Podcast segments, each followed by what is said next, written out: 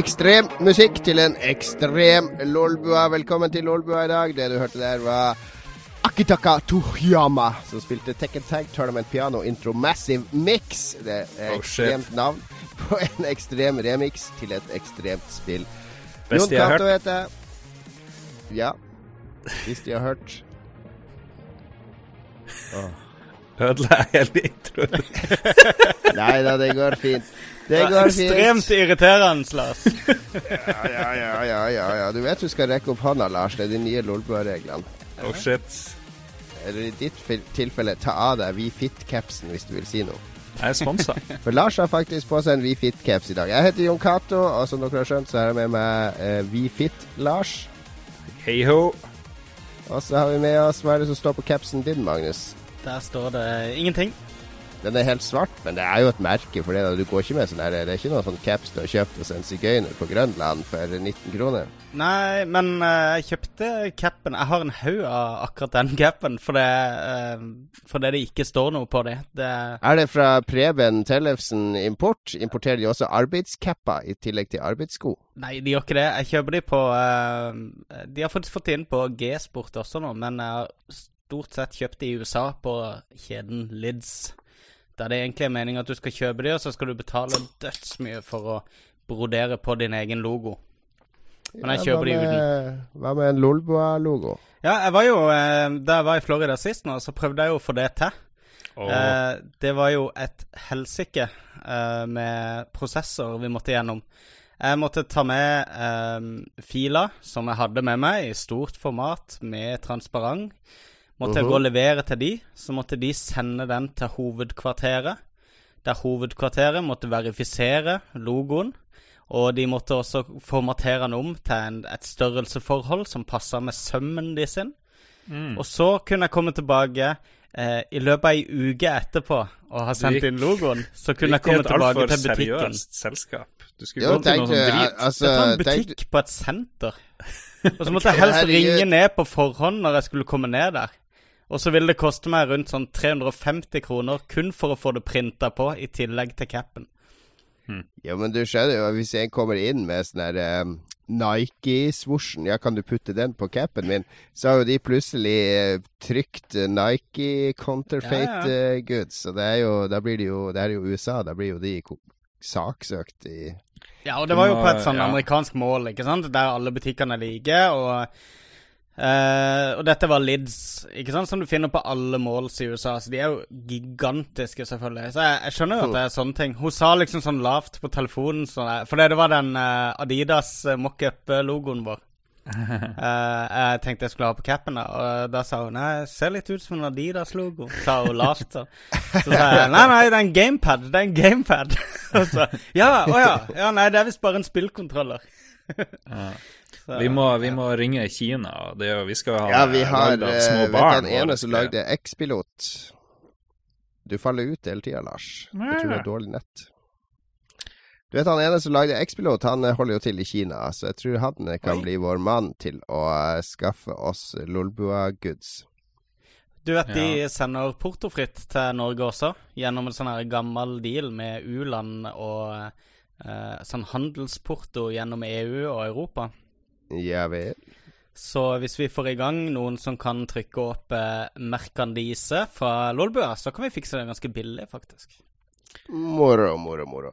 Vi skal snakke om ekstreme ting i dagens sending. Det var mm, inspirert av noe jeg gjorde. Men før, før vi kommer til ekstremdelen av sendinga, så kan vi jo snakke litt om hva som har skjedd siden sist. Er det noe annet enn eksamenslesing på det, Magnus? Eh, ekstrem eksamen, om jeg må be.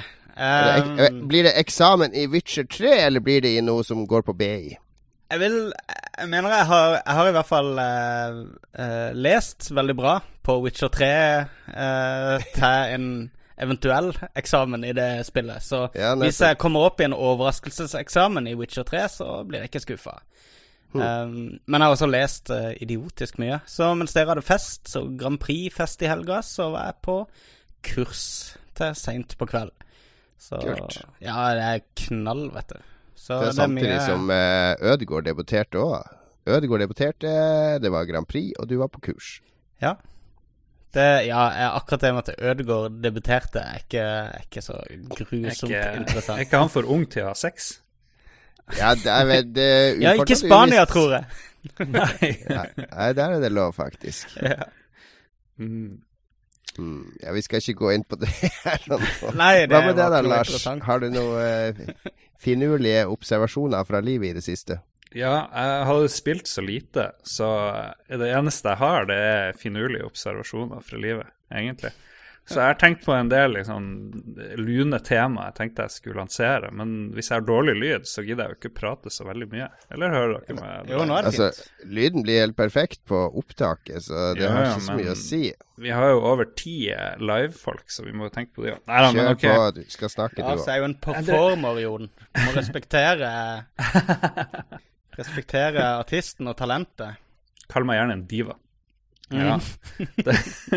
Eh, men jeg drev og hørte på eh, en av mine favorittpodkaster, Team eh, Gluten Free Bread, eller eh, GFB, som det også heter, mm. med, med noen sånne spillutviklerfolk.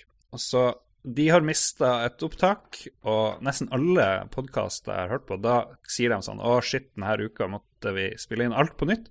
Fordi, fordi noe gikk galt, noe teknisk gikk galt. Og så tenkte jeg For det, det er jo kjennetegnet på en sånn eh, podkasthistorie at man har holdt på litt lenge, og alt det der, og at man har mista en episode. Den sagnomsuste, geniale episoden som ingen fikk høre. Men jeg tror ikke det har skjedd Lost med oss. episode. Ja, The Lost Tapes, liksom. Ja, vi, vi har Ja, ikke noe sånt. Ja, vi har, eh, vi har en eh, Et av YouTube-opptakene borte. Ja, å ja.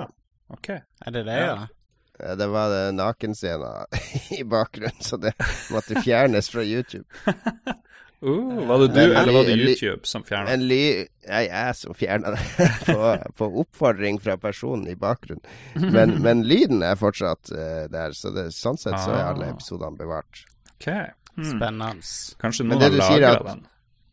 At Ja. du vil at jeg skal rote bort en episode, er det det du sier? Ja, nesten. Nesten. Vi må diskutere det her. Det er den beste episoden vi har lagd noen gang, den må vi Ja. ødelegge med vilje. Jeg tror ikke Rad Crew har mista noen episoder, har de det? Jo, det er jeg 100% sikker på. At de har, Og, og Jostein, altså Gusta, Gusta Hakstad, sjefen i Red Crew, han er jo sånn ordensmenneske. Jeg tror han har, jeg tror han har backup av alt, og i, Mm. til og med i et annet hus, i tilfelle hans hus skal brenne ned. Eh, På et annet internett. jeg vedder gjerne en to-tre øl til deg, Jon, på at de har mista en episode. Det, det er jeg nesten sikker Det på. er ja, I hvert fall de store deler ølene, av en eh, episode. Det tror jeg. De ølene kan du få gi til meg på Klekken, som vi skal til i juni. Men mer om det senere. Det var en sånn liten tease. Ja, det var Du begynner å bygge forventninger fremover. Jeg kan fortelle hva jeg, jeg har Det har Mm. Jeg er ikke ferdig, mer. Jon. Ja, OK, OK. ok Det, jeg har lang liste. Bare si stopp. Én ting til, da. Ok, en ting til. Jeg har, jeg har gjort regnskapet mitt i går. Um! Vi som har sånne enkeltpersonsregnskap. Og jeg hadde over 100 sånne For nå gjør jeg det digitalt, så jeg hadde over 100 filer jeg liksom måtte ha oversikt over. Og det er jo sikkert ikke så mye i en sånn eh, bedriftssammenheng, men det var ufattelig irriterende, og jeg hadde lyst til å drepe meg sjøl.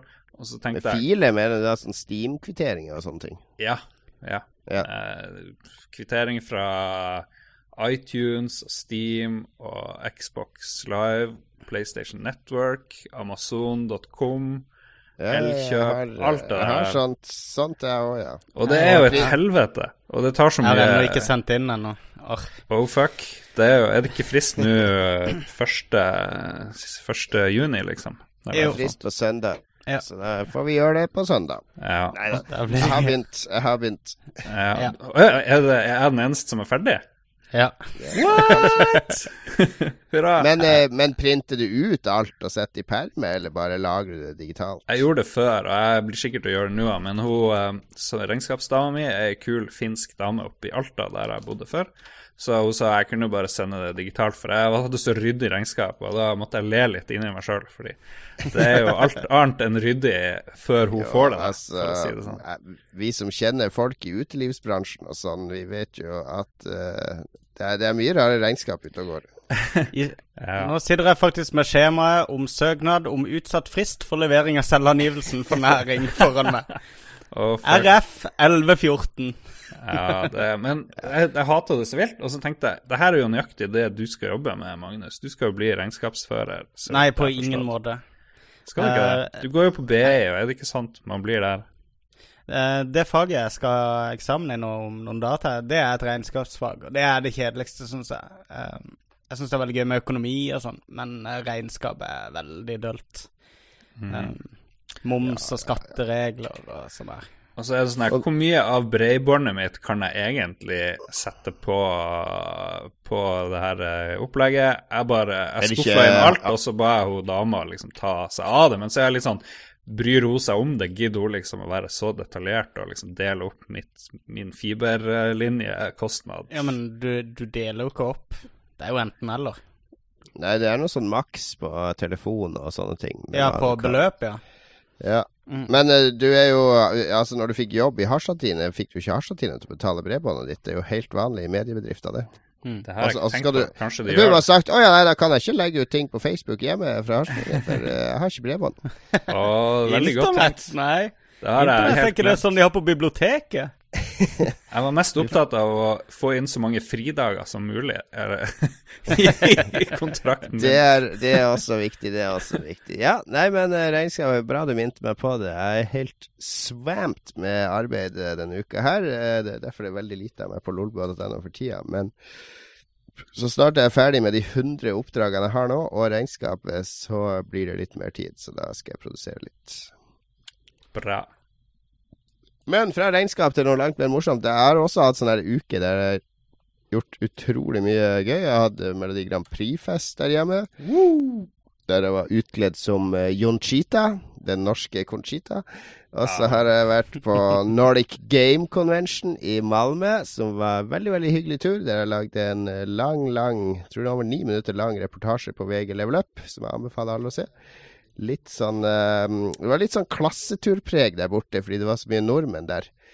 Overalt. Og alle de nordmennene kjente alle. Så de, det var liksom som de var på en sånn stor klassetur, for de er så små og unge alle sammen nå. Så det var var litt koselig. Uh, men det som jeg har lyst til å dele, er det, den, den ekstremepisoden tar vi etterpå. Men det, det, her, det her var noe som skjedde på Nordic Game. For der var eh, One Life Left-folkene. For de som ikke vet hva One Life Left er, det er en av mine favorittpodkaster som har gått i vel Det har gått i over ti år, tror jeg. Um, uh, med Steve Curran, som brukte å være Red Eye i Edge. Og Ja, eh. Simon, Simon Byron og Anne Scantleberry. Og de har holdt på veldig, veldig lenge. Og de, de skjønte fort den greia med at å lage sånn ren spillpodkast der du tar spill seriøst, det var bare tull. Så de lagde en podkast der de ikke tok spill seriøst. Og det har uh, fungert veldig godt, egentlig. De, er, de tar det seriøst på én måte, men ikke på den gamermåten, hvis du skjønner. Men de, har laget, de lager mye greier rundt den podkasten, og de har laga noe som heter Marioke. Og Marioke, det er rett og slett karaoke. Der, med poplåter, da, sånn som eh, Bonnie Tyler, 'Total Eclipse of the Heart', eller uh, Boom, Shake, Shake, Shake the Room, eller uh, skikkelig poplåter som alle kan. Og så har de uh, skrevet nye tekster som er relatert til spill. Så Halleluja med Leonard Cohen, det er Hail Ouya, som er en hyllest til denne nye Android-konsollen. Og eh, eh, Altså, det som fungerer her, det er at hvis alle står eh, på gulv, og så er det tre som kan komme opp og synge i mikrofoner, og så er det storskjerm som viser teksten. da. Og av en eller annen grunn så står alle og synger med deg, fordi de tekstene er veldig morsomme. Eh, for eksempel eh, den David Bowie-låten 'Life on Mars'. Den handler om Gamergate, da. Så refrenget var da sånn derre Gamers screaming for attention. Oh man, look at those cavemen go. og så videre. Det er uh, veldig relaterbare tekster, og utrolig morsomme tekster. Jeg har masse, masse video derifra. Boom, shake, shake, shake the room. Det handla om Doom, eksempel, så refrenget var selvfølgelig Doom, strafe, strafe, strafe the room. Altså, det, det funka bare så intenst bra, så vi Tre timer så sto jeg der, jeg og Kaja, som vi har hatt på showet før, og, og mange av de andre norske. Og det var så, så morsomt at uh, det er så vanskelig å forklare hvorfor det funker så bra, men det funker bare så utrolig, utrolig bra. Uh, fordi de tar de der uh, spilltrender og ting på kornet. Vi fikk jo noen meldinger av deg mens det pågikk. Uh, du virka jo ganske henrykt i gjerningsøyeblikket, ja, i hvert fall. Ja, ja. Altså, jeg, jeg, er veldig glad i folk som lager ting, som lager spillkultur. Sånn som jeg og deg, Magnus. Vi lager eksempel en spillquiz. Mm. Legger masse arbeid i å gjøre det så at det blir stor underholdning for de som er med. Eh, lage powerpoint, musikkoppgaver osv. videre, Og, og det samme her. De har lagt masse arbeid i å gjøre eh, spill Vri litt på spillkulturen. Gjøre noe annet ute av spillet enn å bare spille spill. Og hvem elsker vel ikke powerpoint? Eh, jeg powerpoint PowerPoint. Ja, vår powerpoint er ganske decent, syns jeg. Ja, bra. Jeg har ikke fått oh, oppleve quizen deres. Oi. Nå har han Jon ikke tatt opp lydet her. Jo, jeg ser at uh, Spillmatic har sending akkurat nå på Radio Nova.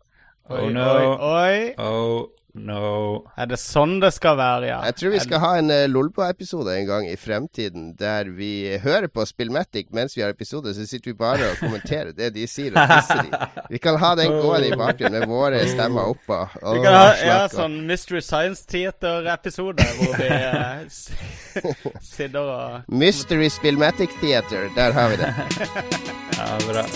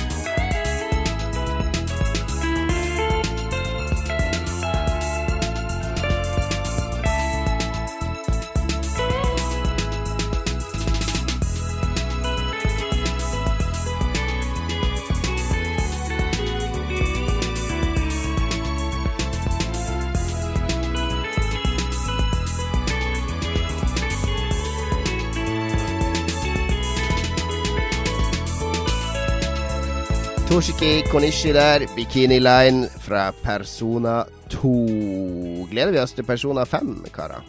Nei. Jo, det, det gjør jeg. Jeg har ennå ikke fått runda Det er sånn typisk komme hjem fra ferie og ikke få runda de eh, håndholdte spillene en har brukt uh, mangfoldige timer på. Um, hmm. Men jeg er veldig nærme slutten på, på spillet, så uh, jo da. Da klarer du det i sommerferie. Skal frese gjennom. fres gjennom. Vi skal over til uh, ukas tema ekstremsport. Ekstremspill. Extreme! Hva, hva, hva, skjer her? Hvorfor skal vi ha det som tema, Lars? Extreme. Fordi du Extreme. har uh, um, vært på jeg vet ikke hvor du var, Jungstorget, du var et eller annet sted i Oslo og møtte Chili Klaus, eller hva han heter. Chili Klaus. Chili Klaus. Ja. Og du, ja, var, du, er så stor fan av Kristian Valen at du skulle liksom høre hvordan det var for han altså, Chiliklausen altså, møtte han. Og så lurte han i deg en svær hvit chili i stedet. Ja, omtrent sånn. Nei, jeg er ikke så stor fan av Christian Valen, men jeg har vært uh, sett på Chili Claus et år med, og min eldste sønn jeg synes det var veldig morsomt å se på når han spiser chili, for han får, han får sånn der hikking og oppstøt, og um, ser ut som han har det ekstremt vondt, men han klarer liksom å samtale fint for det. Det han er så han, utrolig glad i chili, mens det liksom river han i filler, så han, han elsker det. Han, Han elsker skikkelig chili. Og så skulle han på norgesturné, fikk jeg med meg på Facebook da, og skulle ned på Rådhusplassen Ja. og dele ut chili til Han hadde skulle ha med seg 100 chili, da, så han håpa det kom nordmenn som ville spise chili sammen med han. Så da tok jeg og min eldste sønn turen ned. Og der møtte jeg eh, annet Lasse Lervik, tidligere Pressfire, som, eh, som eh, også er fan av Chili Claus.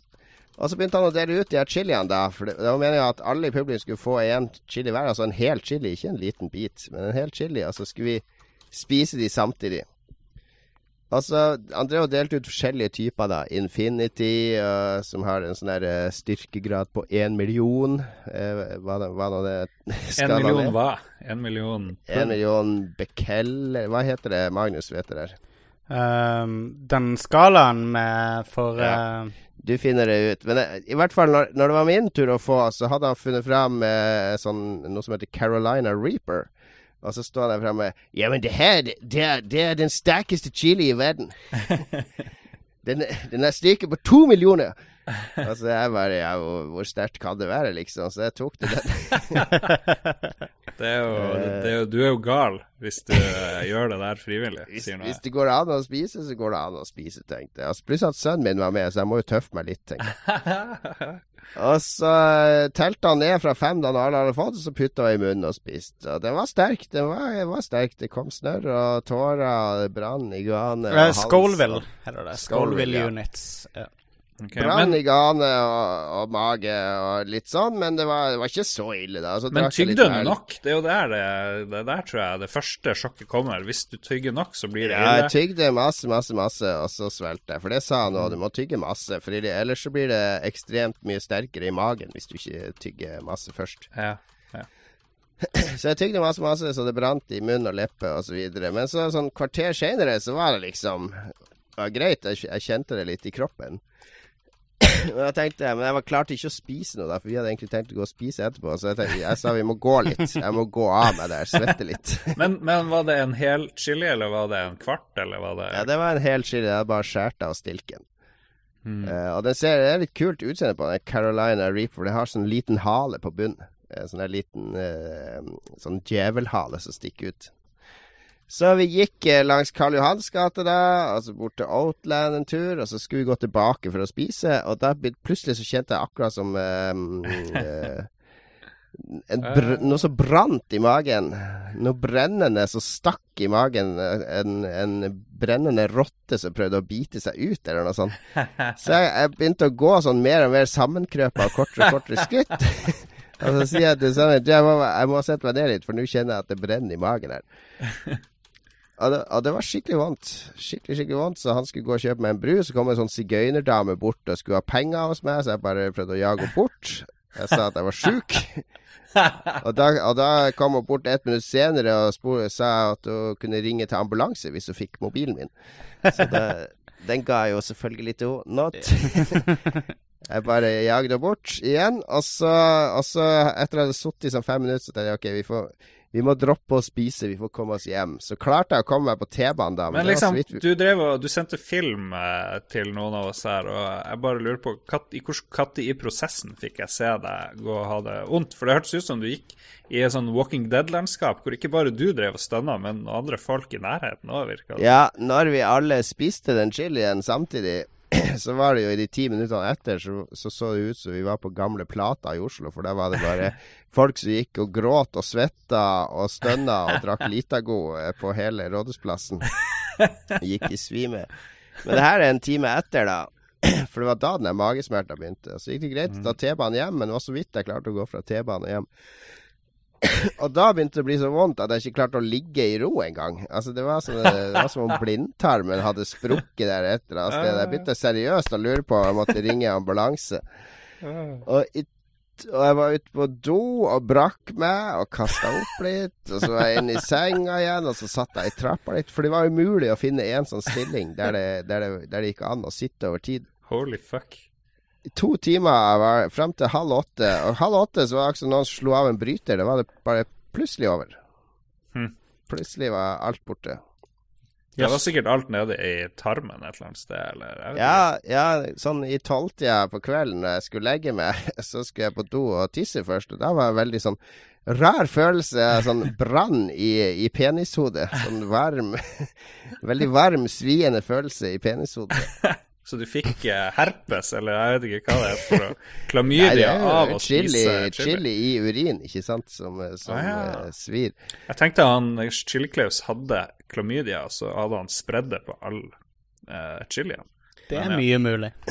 Ja, men det, det som er at jeg, Jeg har jo sett mange sånne videoer av folk som er chili og sånn 'Å, det gjør så vondt, og det svir i munnen' og sånn men det som de aldri viser, det er det som skjer etterpå. For han Lasse som spiste Han spiste en sånn Infinity på én million. Og han eh, meldte han på kvelden der, og han sa eh, han hadde ikke merka noe i magen. Men så sånn rundt midnatt, når han hadde lagt seg, så våkna han plutselig av at eh, Oi, blindtarmen har sprukket, liksom. Hva skjer? Au! og så lå han og vrei seg en stund, han, før han fikk eh, lov å sove igjen. Men spiste dere masse yoghurt og liksom Jeg drakk, deg- eh, drakk litt lettmelk, det gjorde jeg. Det at du gikk så jævla mye, det akselererte sikkert prosessen litt. Så Helt sikkert. Jeg vil tro det, jeg vil tro det. Så takk, takk og pris for det. Men Og takk og pris for at ikke unger og kone var hjemme når jeg kom hjem her og lå og rulla meg naken på baderomsgulvet. Men det var eh, Altså, jeg var en millimeter fra å ringe ambulanse. Jeg trodde seriøst en stund at det her kan jeg ikke overleve. Det her, er- det her er sånn eh, Jeg tenker nå i ettertid Det her er sånn eh, når du ser sånne eh, heroinjunkier som bare blir låst inn på sånn rom for de skal avruses. Det er noen sånne her greier det går igjen. Der, de, der det gjør vondt hele tida, uansett hvordan du legger deg eller vrir deg eller vender deg, så er det bare sånn her smerte. Men Vet du hva eh, de her um, folk sånn som uh, Jackass, de hadde jo spist spyet sitt. Fordi det er jo litt feigt å kaste opp eh, det Ja. her chiliopplegget. Så det er, det er litt minuspoeng der, faktisk. Ja, Nei, men det var eh, Jeg synes, det, Akkurat nå så er jeg glad for at jeg har gjort det. Jeg vet jeg nøyaktig hva det innebærer, men jeg kommer aldri til å gjøre det igjen. Fy Jeg er veldig glad for at jeg tok den der verdens sterkeste i stedet for en sånn her på 1 mill. eller 800 000 eller Ja, for 1,2. For nå har jeg vært på toppen. Jeg har vært på Mount Everest, liksom, så alle andre fjellturer er ikke noe vits. Da du lå der og svetta og grein på baderom, eh, baderomsgulvet, følte du du var på Mount Everest chilier? Ja, jeg tror ikke det er så veldig behagelig å være oppe på Mount Everest, egentlig. Jeg har hørt sånn fortellinger fra de som er der. Du går jo i svime der òg og har vondt i hodet konstant. Og Men, sånn. men var det en litt sånn grådkvalt triumf eh, som lå der i bakgrunnen, og yeah! Nei, ja, det var bare anger der og da. Men nå, nå har jeg fått det på avstand. Nå, Du var jo skikkelig redd. Du trodde jo du skulle dø. Det var, Ja. det var interessant. Tenk å dø av det, Jon. Tenk Ja, om du hadde dødd av det Jeg dødd av det. ettertid. Tenk at, fordi det tenker ikke over hva, hva kroppen kan produsere av smerte og reaksjoner og sånn. At eh, hvor, eh, hvor deilig det er å ikke ha smerte i kroppen, var det første jeg tenkte på etterpå. Men sånn smertemessig, hva sammenligner du det med? Uh, du har jo åpenbart ikke ikke, vært gjennom en fødsel, så Jeg har ikke hatt blindtarm, sprukken blindtarm, jeg har ikke føda, så jeg, jeg har, har du hatt noe eh, nyrestein. Nei. Men det, altså, det var så vondt at du ikke kunne ligge i ro. Ja. Altså, du, du kan du klarer, Jeg klarte ikke å bite tennene sammen og bare ligge i ro. Okay, Jeg måtte, måtte, jeg måtte rulle meg ut av senga og, eh, og krype ut på do. Altså Det var sånn der halvveis sånn Gollum-gang ut på do. Hvis jeg strakk, strakk på meg for mye, så ble det helt forferdelig. Eh, Magnus, har du spist noe sånn crazy Du er jo fan av den der chili-duden. Du Ja, jeg liker chili, Klaus. Eh, Nei, jeg, jeg er veldig glad i, i sterk mat, men jeg, Nei, jeg har aldri spist sånn, sånn grisesterk chili direkte. Jeg er litt for feig for det, tror jeg. Jeg spiser sånn feig eh, Coop-chili, sånn her helt vanlig grønn greier du bare kan kutte opp og ha i den indiske retten din. Jeg syns det var ganske sterkt. Samme dag som uh, Jon Cato eh, spiste den chilien, så gikk jeg på Bestilte jeg takeaway, for da kom jeg rett fra kurs på kvelden. Og da bestilte jeg den sterkeste retten de hadde. eh, den sterkeste varianten på New Delhi, som er en fantastisk indisk restaurant i Oslo. Og ehm, det, var, det var fullstendig overkommelig. Og da satt jeg og spiste sånn grønn chili og sånn. De der indiske grønne chiliene, ikke de der i Mm. Dagligvaren og sånn. Så jeg, der, jeg fant ut der ligger min grense. Men, men over det tror jeg bare er destruktivt. OK, er det nok nok Skal chili? liksom smake noe også. Nok chili. Nok chili. Uh, mens denne historien har pågått, så har jeg fått innvilga uh, utsettelse av min selvangivelse til 18.6. What? Det gikk fort. Så lett var det. Det gikk fort. Ja, du som skulle uh, på fylla 16.6., det går bra. Ja, men da, da, får vi utsette det. Da blir det selvangivelse.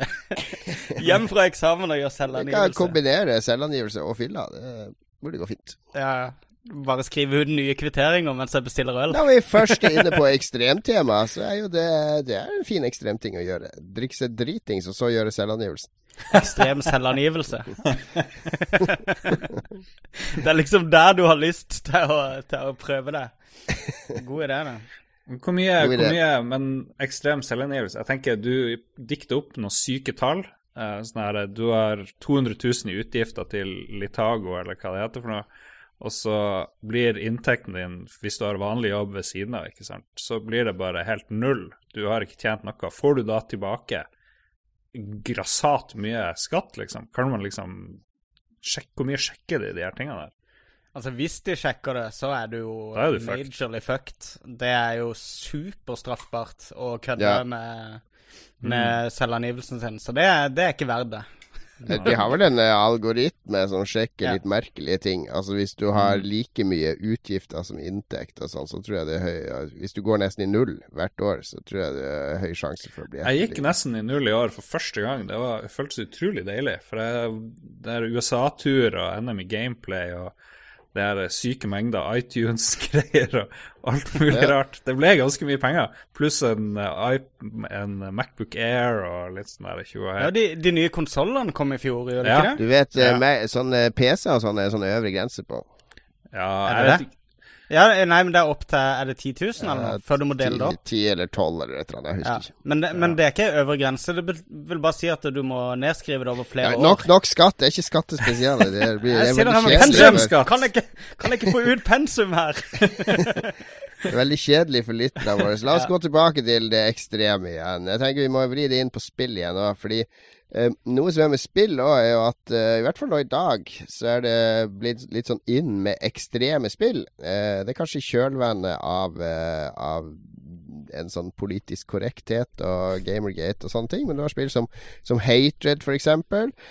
Uh, så spill som Pressfire skrev om tidligere i dag, men nå har fjerna saken om en sånn der eh, stalker-simulator som en kar driver og, og, lager, der du kan mobbe skolejenter til døden, eller ta livet av de og få det til å se ut som selvmord. Du kan annet uh, mobbe de ved å ta sånne der fotografier oppunder skjørtet, som du da poster på Facebook. og ja. Mm. En sånn uh, ganske nasty spill, da. Er det, er det, greit å bruke spill til å få utløp for ekstreme lyster og tranger? Altså, Hvis det er greit i andre medier, så er det jo selvsagt greit i spill også, er det ikke det? Jeg vet ikke. Det, jeg aner ikke. De sier jo at uh, sånn som i Japan, hvor folk er så skikkelig ordentlige, og man er høflig, og det er veldig trangt, så man må oppføre seg og sånt, så har det litt sånn rare utslag at de må ha sånn De har jo veldig voldelig kulturuttrykk. Mye sånne syke, syke filmer. og de har sånne syke, syke anime, sånne animasjonsvideoer med sånn tentakelporno og drit og lort. At det liksom Du må få utløp for en viss uh, crazy oppførsel på et eller annet vis. Jeg vet ikke om det gjelder for spill. De har jo sånne rape, rape simulatorspill der borte. Ja, det er mye weird, liksom. Men jeg vet ikke om det er bare kulturelt betinga, eller om det liksom er sånn at hvis du lever litt forknytt, så må du ha noe crazy og få utløpet av deg. Av det. Men det ser du jo på sånn ettermiddagsunderholdning og sånne ting òg i Japan. er jo De der gameshowsene og sånn er jo super crazy. Ja. Så det er jo All underholdninga virker som det har liksom den derre det er liksom ganger ti. Sånn creep, creepy element i det der borte, ja. Men det også er, altså jeg skjønner behovet Eller jeg tror det er veldig fint å kunne utblåse og ventilere. Altså Hvis du står i hvilkø halve dagen på vei til og fra jobb, så dra hjem og kjøre, spille burnout og bare pløye gjennom alle bilene, er jo det er jo en voldelig handling, det òg, isolert sett. Men det er jo ren ventilasjon, eller ventilere i GTA eller sånne type spill. Ja. Ja. Men det, når det blir det føles veldig utspekulert når det blir sånne spesifikke, litt sånn creepy seksuelle temaer.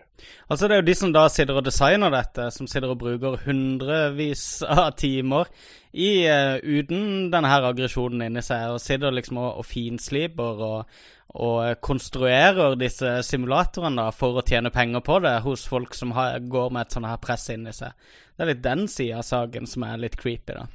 Ja, den er i hvert fall creepy. Vi har jo en venn av oss som heter uh, Vidar. Friend of the show.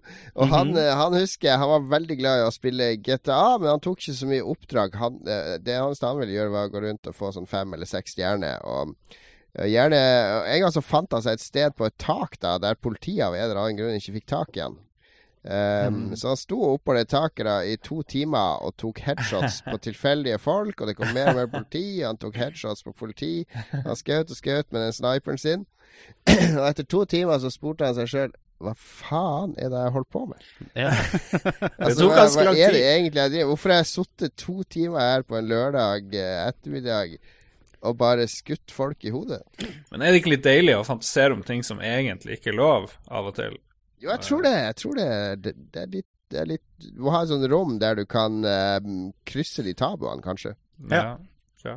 Nei, gud vet, vi er vel ikke psykologer, noen av oss, men det må jo være en grunn til at veldig mye av filmer og musikk og liksom alt mulig, alle kulturuttrykk, har sånn veldig spenn, ikke sant, fra det helt rolige og til det helt syke og voldelige, uansett om det gjelder rytmer eller blod eller whatever det er. Du har jo, husk, har du ikke sett noe av de filmene til Gaspar Noé, som har lagd eh, de her irreversible og sånne helt ja, ja. forferdelige oh. franske greier?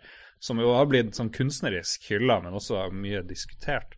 Så du har liksom både eh, exploitation-vold på film, og så har du også liksom kulturelt akseptert eh, exploitation-vold. Så det, det fascinerer meg litt. Og, ja. ja. Ja. vi trenger bare å gå tilbake til 90-tallet med meg og Lars, når vi så Reservoir Dogs og Pulp Fiction og sånn, som, som var For oss i hvert fall så ble det veldig romantisering av den der skurken og det å stå på utsida av samfunnet og det ikke at noen av oss gjorde det noen gang i særlig stor grad, men jeg syns det var veldig deilig å få oppleve det gjennom de filmene, kanskje. Sånn var det jo med Ja, Natural Born Killers òg hadde jo den der eh, Det var en så stor samfunnsdebatt da det kom, for det det var, det var en for drøy film og eh. mm. oh, dere, når vi snakker om filmer og sånt, du har jo Fight Club. Hvem ikke, fikk ikke lyst til å slå eller gjorde det? Noen etter å ha sett den? Vi lagde jo uh, Backslap Club, club, etter Fight Club, der vi eh, tok av oss på overkroppen og smekka hverandre så hardt vi klarte på ryggen med flatene. En litt sånn mer feige versjon av uh, Fight Club. Men jeg synes jeg husker det var noe sånn fakeslåssing nede i Oslo da jeg bodde der. Eller sånn halvseriøst slå til hverandre-opplegg. Så Men jeg vet ikke. Ja, ja. Uh, man har jo lyst til å pushe grenser, ikke sant. Eh, man sier hele tida at ungdommen er verre enn det som var før, men det er jo fordi man har kanskje lyst til å gjøre et lite opprør. Og det gjelder kanskje i de fleste kulturuttrykk og sånt. Men nå snirkler vi oss veldig inn på en spesiell ekstremmåte, da, på et vis. Ja, vold. Ja. Vi, er vi ferdig med den, eller skal vi gå over til noe annet ekstremt? Ja, ta en ekstrem ting til, så går vi videre. Ja, liksom, hvor, Hva er spillet dere har spilt mest, f.eks., eller blitt best i? Jeg husker jo jeg spilte sykt mye Destiny. Destiny. Det var rimelig ekstremt. Og så og det, men den highscoren jeg er mest stolt over, det har jeg kanskje sagt før, det var da jeg kom på fjerdeplass på Angry Birds Free mot flere millioner mennesker. Uh, uten å liksom jukse. Fordi det var et veddemål med en kompis. Han var nummer syv i verden på det Angry Birds på iPhone. Og så sa han du skal få 1000 kroner hvis du slår meg. Og så brukte jeg liksom Når jeg satt på do eller kjeda meg, så satt jeg og kasta de her fuglene. Jeg syns jo Angry Birds er et fantastisk spill, egentlig. Og så plutselig var jeg nummer fire etter å liksom sett på videoer og perfeksjonert teknikker, og det var faen meg mye innsats for å for å bli bra i det der. La med noen sånne asiater jeg husker ikke hvordan, eller sånne rare navn. Utenlandske navn, i hvert fall. Så Det syns jeg var litt ekstremt. Jeg var ganske fornøyd med det, selv om jeg ikke får noe cred noen som helst sted. Veldig imponerende, må jeg si. Jeg oppdaga nettopp at min storebror, som slett ikke er noe gamer eller Noe sånn. Han, eh, han, er sånn som gjerne har et mobilspill. Han spiller eh, ganske mye når han først uh, spiller litt. Og han har faktisk nå Han hadde i hvert fall i et par måneder eh, verdensrekorden i Tetris Blitz på mm. iPhone. Eh, og det er det jo noen millioner som spiller, vil jeg tro. Så uh, det er ganske imponerende. Det er, sånn blir det når en liksom Dere har òg kompiser som ikke spiller så veldig mye, men når de først uh, spiller noe, så er de ganske hardcore på det. Ja, Tore på Trials, for eksempel, er ikke han ganske jo, Tore er um, Hvis vi skal snakke litt om Tore, for det elsker han at vi gjør han er, Men han er sånn der i sånne type spill som bil, og det er sånn rekordspill. Mm. Så hvis noen har tatt rekorden, så bare setter han seg ned til han har slått den rekorden. Altså, det, er ikke, det, er ikke, noe vits å gå derifra før rekorden er slått. Altså, det er sånn systematisk jobbing for å ta den. Og det husker jeg han gjorde med lillebroren sin. Og lillebroren hadde Mario Kart på Super Nintendo. Og det var mm. kjørte time trial der, så hadde lillebroren satt en rekord. Da var lillebror bare ti-elleve år, da. Og så for Tore på rommet mens lillebroren var på skolen, og så satte han ny rekord. Og så kom lillebroren og skulle prøve å slå den, og Tore sin rekord var umulig å slå, da, for han kjørte helt optimalt. Så han ble så frustrert til slutt han måtte flash-resette hele minnet på cartridgen, for han orka ikke å ha rekordene til Tore på alle baner. Jeg var nummer én òg, forresten, på Angry Birds Free, men det var rett etter det kom en oppdatering med masse brett, så da bare var jeg kjempetidlig ute. Og så hvis du tok et brett, så økte jo scoren din med masse hundre tusen, så det var bare kjempeenkelt. Nice. Men det gikk noen timer, så det, det Screenshotta du eh, førsteplassen? Jeg screenshotta. Jeg tror jeg posta det et eller annet sted, men det var ingen som uh, syntes det var noe verdt oppmerksomhet, husker jeg. på Facebook, eller hva det var. Jeg mener, Det er jo det som er uh, Altså, det er det jo i hvert fall prestisje i å, å, lede an på verdensbasis i de der casual-spillene, som blir spilt av 10-20 millioner mennesker. Mye vanskeligere, det. Jo da, det er jo egentlig helt umulig. Så. Men det som er kjipt med eh, IOS-spill spesielt, er jo at du kan mm. fucke med highscoren. Så har du 999 milliarder 999 000, og da er det ikke ja. gøy. Da gidder ikke jeg å spille de for highscoren sin del. Og det er litt synd at uh, det har blitt sånn. Sånn ble det etter hvert på Angry Birds, òg, så det var ikke noe gøy. Det er sånn på nesten alle sånn online-spill med, mm. med, leaderboards, så er det folk som ødelegger. Ja. Men uh, jeg har vel ikke noen sånne gigantiske spillprestasjoner. Kanskje det må være Wisball som er min gigantiske spillprestasjon, for det spilte jeg hver jul i mange, mange år, så det kan jeg egentlig runde i blinda. Men det er ikke noe leaderboard eller noe sånt på det spillet. Er det noe speedrun-greier på det? Ja, men speedrun er ikke det ganske kjedelig? Når jeg var, jeg var på retrospillmessa i Göteborg, og da så jeg på et par karer skulle spille gjennom, en skulle spille gjennom Super Mario World, sånn, sånn speedrun. Gørr kjedelig, da. Han for, ja. tok den raccoon-suiten, og så bare hadde han sånn derre opp, og så bare do, do, do, do, gjennom hele banen, og så ut exiten. Det var ikke noe gøy å se på, i hvert fall ikke det spillet. Noen spill er sikkert morsommere. Jeg satt og så på en speedrun av Half-Life. Uh, som en dude uh, satt og Det var en sånn Twitch-seanse der de drev og speedrunna masse greier for uh, veldedighet for en stund mm. tilbake. Og jeg satt og så på det, og, um, og, så var det Dark Forces 2, for det har jeg aldri runda, så jeg tenkte ja, det er sikkert kult å se en speedrunner. Nei, Det var jo ikke det. Det var jo snakk om å liksom plassere ut noen granater sånn at du eksploderte og eh, benytta deg av en sånn her clipping-bug yeah. som gjorde at armen din landa inn på save-området. Sånn at du videre til neste område. Ja, speedruns er laga for andre speedrunnere, nesten. Ja. Men er det ikke veldig populært med Det er jo noe sånn speedrunning for charity, hvor de liksom tar inn donasjoner, og så fri speedrunner dem alt mulig forskjellig en eller annen årlig begivenhet som jeg har glemt navnet mitt på. Det har jeg nettopp snakka om, Lars. Var det? Ja, hva heter det? Det var bare det. jeg husker ikke navnet på det. Ja, Men det, det, var jo veldig gøy å se på, syns jeg. I hvert fall noen av de spillene som jeg kjente bra sjøl. Ja, hvis det er relativt korte spill Det eneste morsomme speedrunen jeg har sett, det er den der han Det er en dude som er hos Double Fine, altså skal han speedrunne uh, Psycho, Psychonauts, er ikke det det heter? Ja. Foran teamet som lagde spillet, da. Uh. Og så sitter alle og stønner og sånn over alle bugs og glitcher som han har funnet som var ute. Så bare What?! Hvem, hvem hadde ansvaret for det? Sånn. Det, er, det er det morsomste speedrunnet jeg har sett. For, for da, det er ikke om å gjøre bare løpe fort. Han viser liksom. Han stopper litt opp og så OK, se nå, nå kommer det. og mm. ja, kult. At de bare sitter og, og face, facelapper seg sjøl hele tida overalt. Alle hullene som er der. De satt og facerapa hverandre. Men det er også noe for, som han fortalte med speedrunning. Det må gjøres på emulator fordi du må jukse med frames.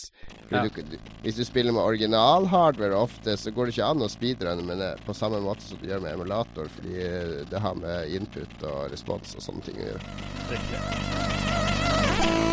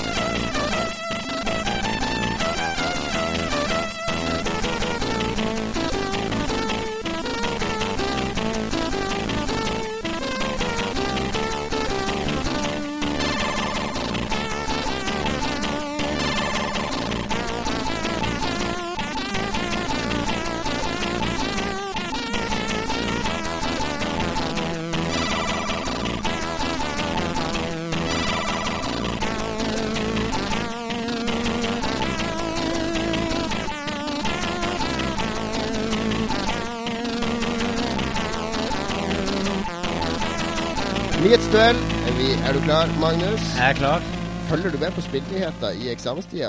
Uh, ikke så mye akkurat nå i eksamenstida. Jeg, jeg, prøver liksom å følge med. Jeg, jeg, prøver å følge de fleste på Facebook, i hvert fall. Så de som klarer å krangle seg inn i feeden min, de får jeg med meg. Ja, ja, ja. Nei, men det, vi har eh, Forrige gang så hadde vi jo Var det gamer.no mot Pressfire, der Pressfire gikk av med seieren 3-0, mens vi kåra gamer til den moralske vinneren. Eh, det var litt clickbait versus eh, eh, presseetisk riktig i henhold til gamle presseetiske regler. Mm -hmm. Denne gangen så har vi to um, um, ja, litt clickbait-sider begge to, kanskje. Tidligere arbeidsplass for oss begge? Ja, vi har begge jobba i begge steder. vi har Game Reactor versus spill.no. to kommersielle spillsider, altså. Og det som nyhetsduellen går ut på, er jo at Magnus da leser opp en overskrift fra Game Reactor, som skal konkurrere med en overskrift fra spill.no. Det her har vi tatt Det er kronologisk de tre sakene som lå på topp i ettermiddag, når jeg klippet og limte inn det her. Så og da skal vi altså bestemme de beste overskriftene, eller skal vi forholde oss til den beste saken? Ja, det fant vi ikke helt ut av sist. Eh, jeg tror kanskje vi skal ha den overskrifta Hvis vi har den overskrifta vi har mest lyst til å klikke på, så er det jo redd clickbait-konkurranse. Um, Men uh, det går an å kombinere, da. Altså den beste kombinasjonen av overskrift og sag. Altså den du har mest lyst til ja, å klikke på, ja. er jo tema og overskrift, og fremstilling veldig av tema. Riktig, veldig riktig. Jeg tror vi gjør det sånn. Jeg tror vi gjør det sånn. Clickbait-duell. Så og så har vi som vanlig ikke lov til å lese sakene det handler om. Vi har kun uh, overskrifter å forholde oss til. Og da tenker jeg vi kjører i gang runde én. Yes, og første nyhetssak, da fra GameRactor, lyder som følger. The Witcher 3 har allerede passert 1,5 millioner kopier. Og spill.no-saken Dennis Dyack, Legacy of Kane-utvikler. Gamergate er ingen hatgruppe. Oi, oi. Det er to helt forskjellige saker her, altså. Ja. Game Reactor kan jo da fortelle at The Witcher 3 har passert noen millioner med kopier. Uh, jeg lurer jo på hvor mye det har solgt. da kommer pedanten Magnus.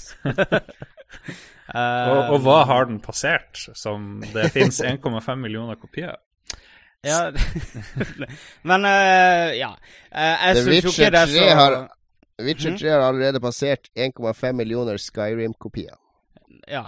Eller uh, Ja, nettopp. det fins allerede 1,5 millioner kopier av The Witcher. Um, ja, det ene er jo ren salgstallnyheter. Ja, det er litt lei av. Og pluss at alt er, alt er mulig å finne i den saken, er jo, står jo allerede i overskriften. Ja, nettopp. Ja. Jeg ville sagt så mange har kjøpt The Witcher 3. Ja. Millionsalg ja, til The Witcher. Mm. Du gjetter, du gjetter aldri hvor mange som har kjøpt The Witcher 3. Ja, jeg, jeg ville dessverre skrevet det, men jeg er veldig takknemlig for at Game Reactor ikke gjør det. Så slipper jeg å trykke på saken, hvis ikke jeg hadde vært Riktig, veldig interessert. Ja. Men den Um, andre saken, den handler om Den har jeg fulgt med litt på, fordi Dennis Dyack er nå eh, Gamergate-helt. For han eh, i et intervju med en eller annen Gamergate-vennlig nettside, så han forsvart Gamergate. Så Eh, jeg er dritlei av alt som er noe Gamergate, så jeg tror kanskje ikke jeg hadde klikka på den. Ganske. Altså, greia med Dennis Dyack er jo at han eh, lagde det grusomme spillet Too Human på ja. Var det så dårlig? det ble- Jeg spilte det aldri. Det var det så var, dårlig. Det var uff. Ja. Og, og det var eh, Det ble slakta overalt, og siden da så har han en grudge mot alle spilljournalister, for så vidt før det òg. Så hadde Kotako en sånn sak der de har snakka med tidligere ansatte av han, eh, der de fleste ville være anonyme, som beskrev han som en diktator og tyrann og Og en, han ble fremstilt som en idiot, i hvert fall. Mm. Så han har en veldig grudge mot journalister, og det har også Gamergate, så det er bare å slå to og to sammen. Uh, ironien her er jo at den Kotaku-saken er jo sånne artikler som Gamergate egentlig vil ha. Sånn avslørende journalistikk om spillbransjen. Ja. Men siden det nå er avslørende mot en som er pro Gamergate, så er det sånn does not compute, og da får får bare kjøre toget videre. Da er det ag feil agenda. Men eh, jeg ville jo likevel klikka på Dennis Dyack-saken mer enn Ja. The Witcher-saken, tror jeg. Jeg er nok enig i det. Der har du i hvert fall en konflikt, og du har et utsagn som, eh, som han ikke Kanskje han har en god grunn til at Gamergate ikke er noe hatgruppe, og mye ubesvart i den overskriften. Litt sånn rar Dennis Dyack, Legacy of Kane-utvikler. Gamergate er ingen hatgruppe. Jeg får to klikk til den. Jeg klikker på Witcher 3, fordi jeg er litt nysgjerrig på hvor mange digitalt, hvor mange fysisk. Tror du du får svar på det? Jeg håper kanskje det står der, men jeg tviler jo. Og apropos det, jeg snakka med en annen venn av showet som sikkert vil være anonym, men han, han hadde vært ute for å kjøpe Witcher 3 på lanseringsdatoen i Oslo sentrum. Ikke mulig å oppdrive. Hæ? Jeg dro på Elkjøp og Carl Berner. eh, Witcher 3 nei, det sto ikke i hylla. Det var spurt i kassen, så ja, det skulle være i systemet. Og så gikk de bak på lageret og så var det, å, ja, fem stykk her bake. Og det var sånn der eh, seks timer etter det, det skulle vært satt i hylla. Men platekompaniet kjørte litt hardt på Witcher 3, tror jeg. I hvert fall. Kanskje han ikke kjøpte Jeg vet ikke hvorfor han ikke kjøpte det der, men, eh, men han sa i hvert fall at han gikk Jeg var innom flere butikker, ingen Yes. hadde Witcher 3 i hyllene sine. Nei, men uh, det sier jo også litt om hvor mye folk kjøper digitalt også, da. Så hvor store prognosene er for å få solgt det. Korrekt. Runde to. Jeg har sendt, Runde to. jeg 1-0 1-0 til Game Reactor. Altså. Ja, jeg har sett på spørsmålene. Jeg ser et visst tema her, faktisk, nå, men kjør på.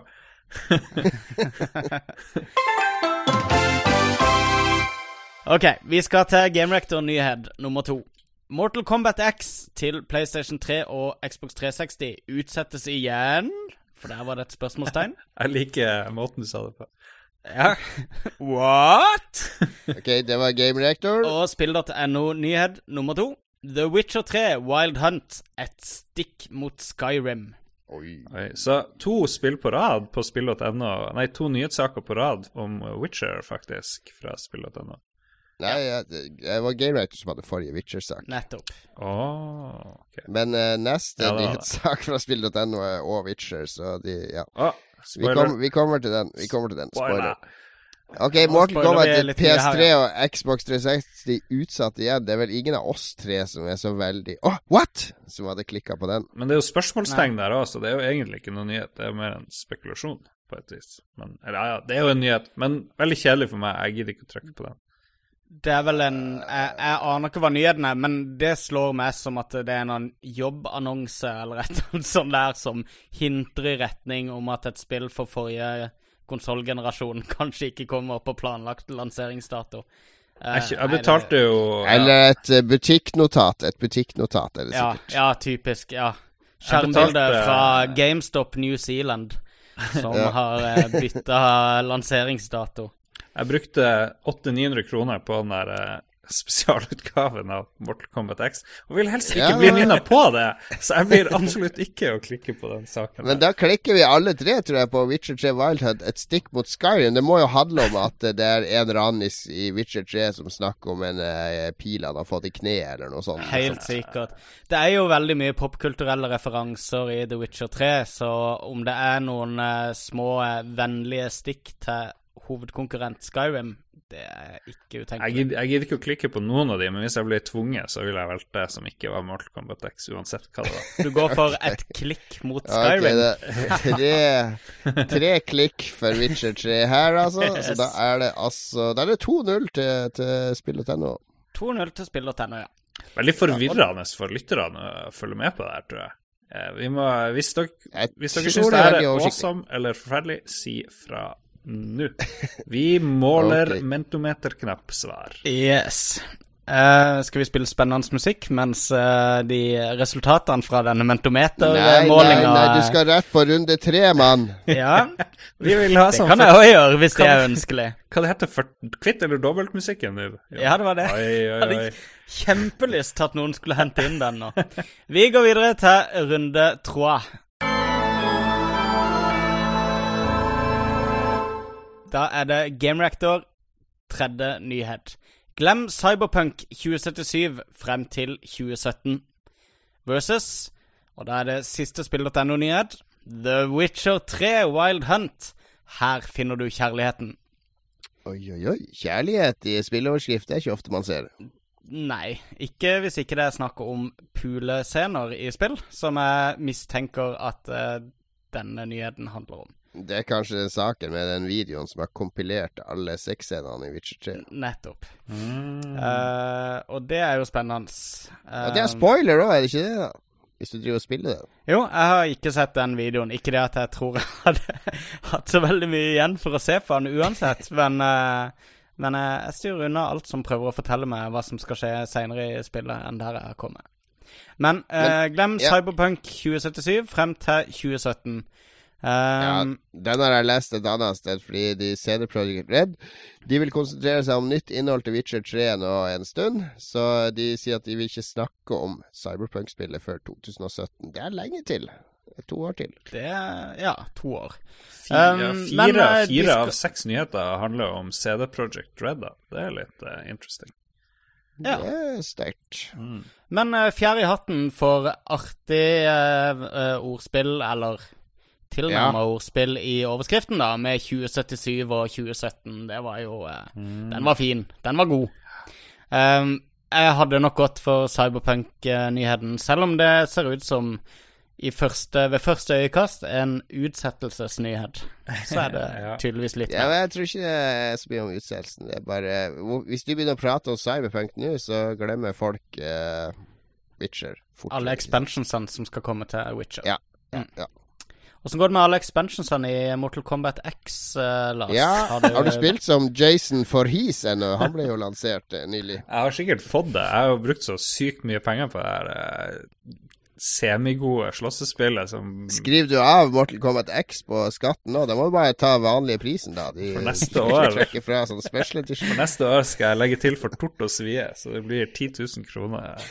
Siv Jensen personlig kommer til å gripe inn hvis du setter opp hele den der uh, Collectors Tips Edition. eh, ligningsvesenet. Mortal Ja. Kombat-kjøp.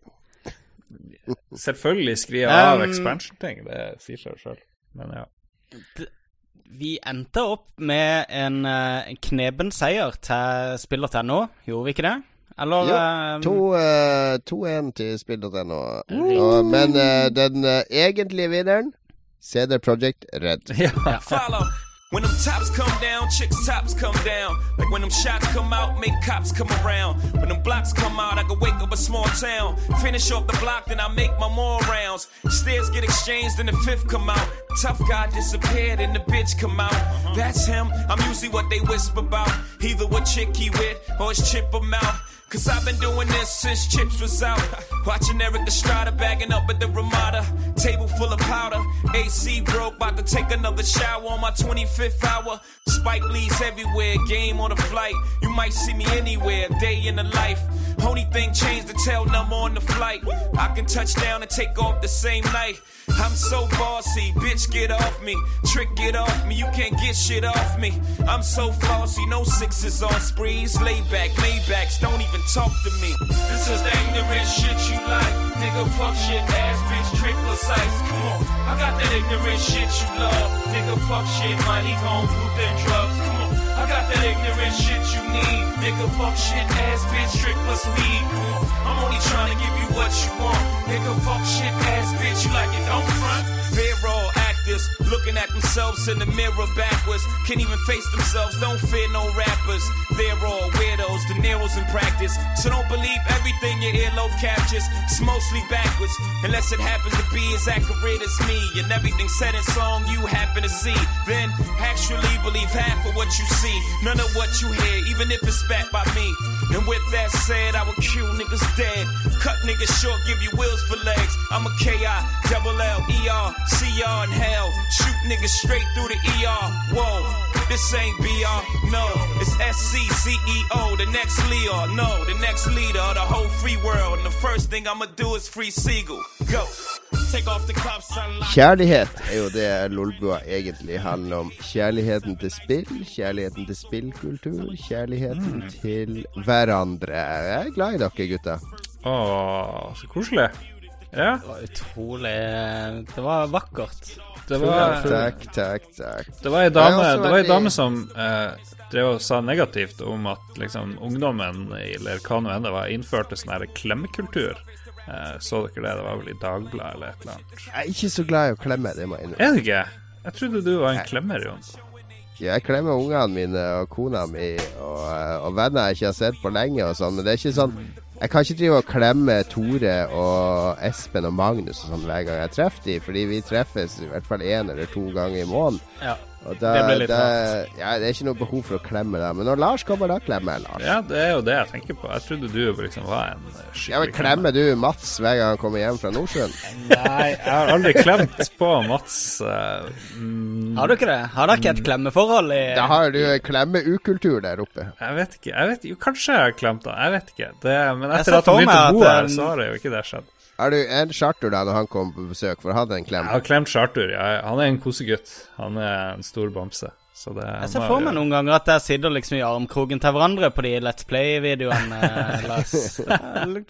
Ja, Bryter du illusjonene mine her? Nei, jeg skal ikke bekrefte eller avkrefte hva som skjer når vi spiller inn de tingene. Men jeg, er ikke sånn, jeg har ikke noe behov for å klemme folk som jeg ikke er veldig veldig close med i utgangspunktet. Og det er mange folk så Klemming skal gjøres hele tida overalt med sånn folk man, man gjør forretninger med, eller sånn businesskontakt eller sånn. Det er sånn Oslo-greier, tror jeg. Det der er sånn sø Ja, det kan søringfære. Ja, Jeg har, jeg har vokst av med den klemminga. Jeg var glad i å klemme folk før når jeg var yngre, faktisk. Det er noe jeg ikke er så glad i lenger nå. Jeg, det er en, eh, jeg syns det er en litt sånn uting, ja. I tid og utide så skal folk fremme kinnet. Ja, Men nok om klemming nå. Vi skal snakke om hva vi har spilt i det siste. Holy og, shit. Um, Jeg trodde vi var kommet mye kanskje- lenger. Jeg syns vi holdt på så lenge her, men ok. Nei da, nei da. Eh, jeg, kan, jeg kan få lov til å begynne, for jeg har spilt eh, Jeg vendt tilbake til eh, ondskapen sjøl, Destiny. Alle vet jo at House of Wolves er ute nå. Den andre expansion packet til Destiny. Og jeg var egentlig veldig veldig ferdig med Destiny i eh, sånn februar-mars. Men uh, House of Wolves um, Nå er Destiny kjempeartig igjen. det er, nei, men De har gjort noen sånne små grep. For det første, de nye oppdragene er de beste oppdragene som har vært. Det nye voice actors. Det er kanskje de beste voice actors jeg har hørt i noe spill noensinne.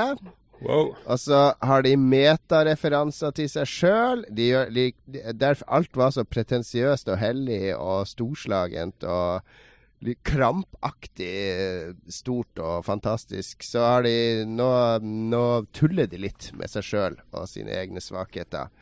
Og det blir spillet bare bedre av. Og så er de mye mer generøse på belønninger.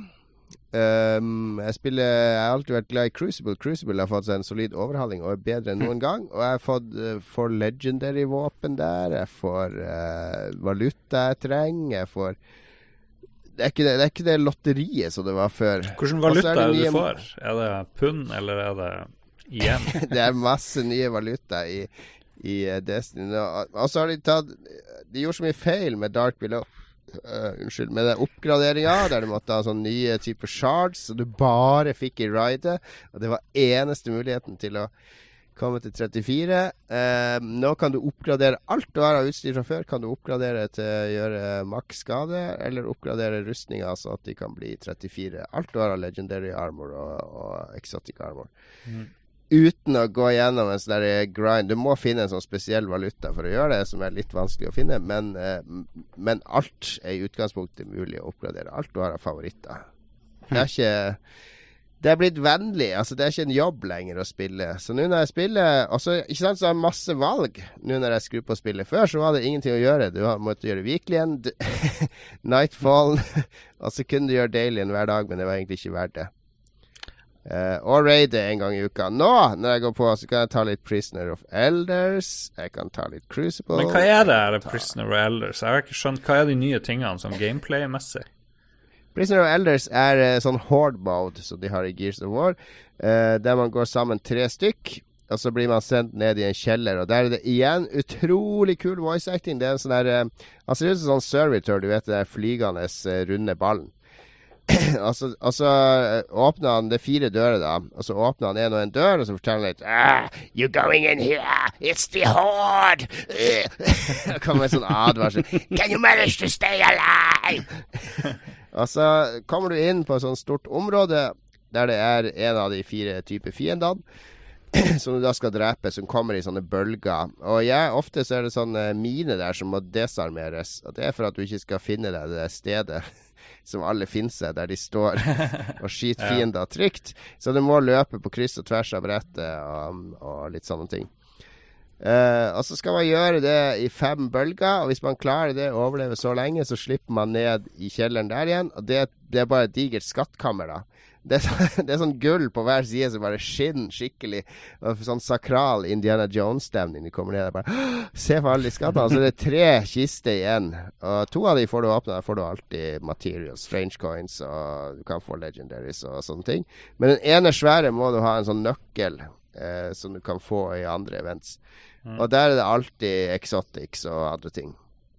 Okay. Så, så, det er en sånn der uh, treplayer uh, eh, samarbeid mot Det kan ligne på en strike, da, men det er mer, mer eh, abstrakt enn en strike. Hm. det er kult, da. Jo, men liksom, jeg kan spille det. Jeg kan uh, gå tre sammen. Hvis det er helg, så kan man spille Trials of Osiris, som er sånn tre versus tre-modus i Crucible. Det er samme kartet gjennom hele helga. Altså, det er som arena mode i Heartstone. Eh, I arena mode i Heartstone så lager du deg en dekk, og så skal du vinne så mange kamper som mulig. Og taper du tre kamper, så er du ute. Uh, så det omgjør å få mest mulig seire før du får tre tap. Og det samme er hvis du får åtte seire i Trials of Osiris, så får du sånn megapremie. Uh, hvis du får tre, så får du den minste premien. da så der må man spille på lag og ja, koordinere og alt sånt. Så de, de har laga nye moduser da som gjør spillet mye mer variert, mye bredere, mye, mye, mindre jobb. Det er ikke den sjekklista hver uke med ting du må gjøre, føler jeg. Hm. Jeg er både litt er trist og glad, om... liksom, eh, for at det er blitt veldig bra der, eh, Destiny. Jeg er litt glad for at jeg har egentlig slutta å spille. Jeg, har lovt at jeg skal hive meg inn, men jeg har liksom ikke gjort det. Og så er jeg litt trist fordi jeg husker hvor mye timer jeg har brukt mens spillet ikke var så bra som det er nå. ja, men jeg er litt glad for at jeg ikke tok alle exotics og legendaries og alt før, fordi jeg har fortsatt så mye å samle og få ting jeg blir glad for. men så Og så er det den nye Bounties òg, da, fra det dronninga, som går ut på Det har gjemt seg karer på brett, de gamle brettene som er gjemt på litt sånn avsidesliggende områder. Så må du prøve å spore de opp og finne de og drepe de. Og når du har drept de, så har du ett minutt på å finne en kiste som spåner i nærheten. Uh, der det er kull, kull ut og sånn. Så det, det, er masse Det føles fresh. Fresh, rett og slett. Så det har blitt Jeg ser nå, når jeg spiller her nå, så ser jeg den derre tiårsplanen deres. Altså at uh, at det faktisk kan fungere i ti år hvis de har så her mange gode ideer oppi ermet, og hvis de klarer å tilpasse og utvide spillet sånn jevnt og trutt. Hm. Ja, eh, det er litt kult. Um, jeg, jeg, har jo så vidt Jeg har ikke spilt gjennom uh, story-delen av forrige expansion ennå en gang. Um, men jeg, jeg, likte jo egentlig Destiny. Det jeg ikke likte, var hvor raskt det ikke var noe gøy lenger. Eller sånn Uh, den, de siste fem uh, prosentene av spillet er så utrolig som dyrkjøpte, da. Det, det, ja. Og uh, akkurat som du sier, det at du venter med å gjøre de tingene til at det kommer expansion, så, så får du liksom Så holder ja, du Det var en vanvittig nådeløs grind å komme seg fra level 20 til, til sånn 27, 26, 27, 28 før, da. Ja. Men nå er det null problem, for du kan bare kjøpe sånn herre 42-rustning fra, fra, fra, en av vendorene, og så er 42 er jo litt drøyt, men OK. 40, Light 42 er den nye Max-lighten. Jeg tror du mente ja. Nei, Light, Light 42 Det er regnestykket for de som ikke kjenner det Det er kjedelig å høre på. Men du kan i hvert fall få igjen med Max Light veldig Med en gang du blir level 20, kan du ta på deg kjøpe et par sånne, og så er ja. du liksom level 30 med en gang. Det er jo eh, veldig kult og veldig oppløftende, og fører vel til at eh, Destiny-nåla finner veien til hovedpulsåra mi i løpet av sommeren, hvis ikke jeg tar helt feil. Nice.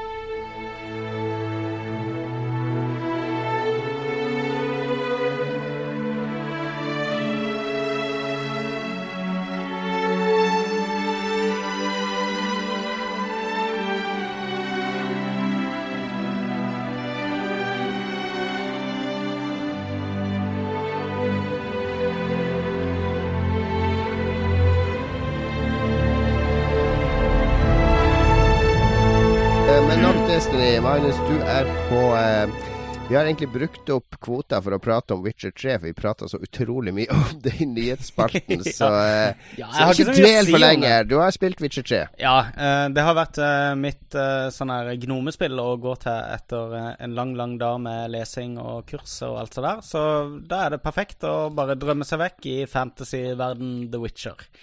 Um, jeg spiller det på en veldig sånn chill måte, føler jeg. Jeg har sånn kjempegod tid mens jeg spiller, og prøver liksom Det er liksom å gå, gå baklengs og feie, da, hvis du skjønner. Jeg, jeg, tar liksom med meg alle quester jeg finner på alle kart, før jeg går videre til neste område.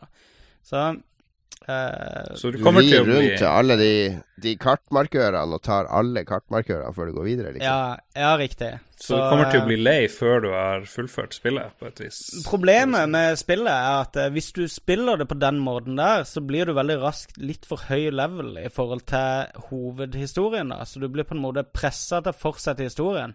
Uh, men det som har slått meg, er at den også er så ufattelig lang at det gjør egentlig ikke noe. Um, jeg, jeg elsker spillet. Jeg, jeg, spilte ferdig den Bloody Baron-story-delen uh, uh, for noen dager siden, uh, som jeg syns var en helt fantastisk sånn underhistorie.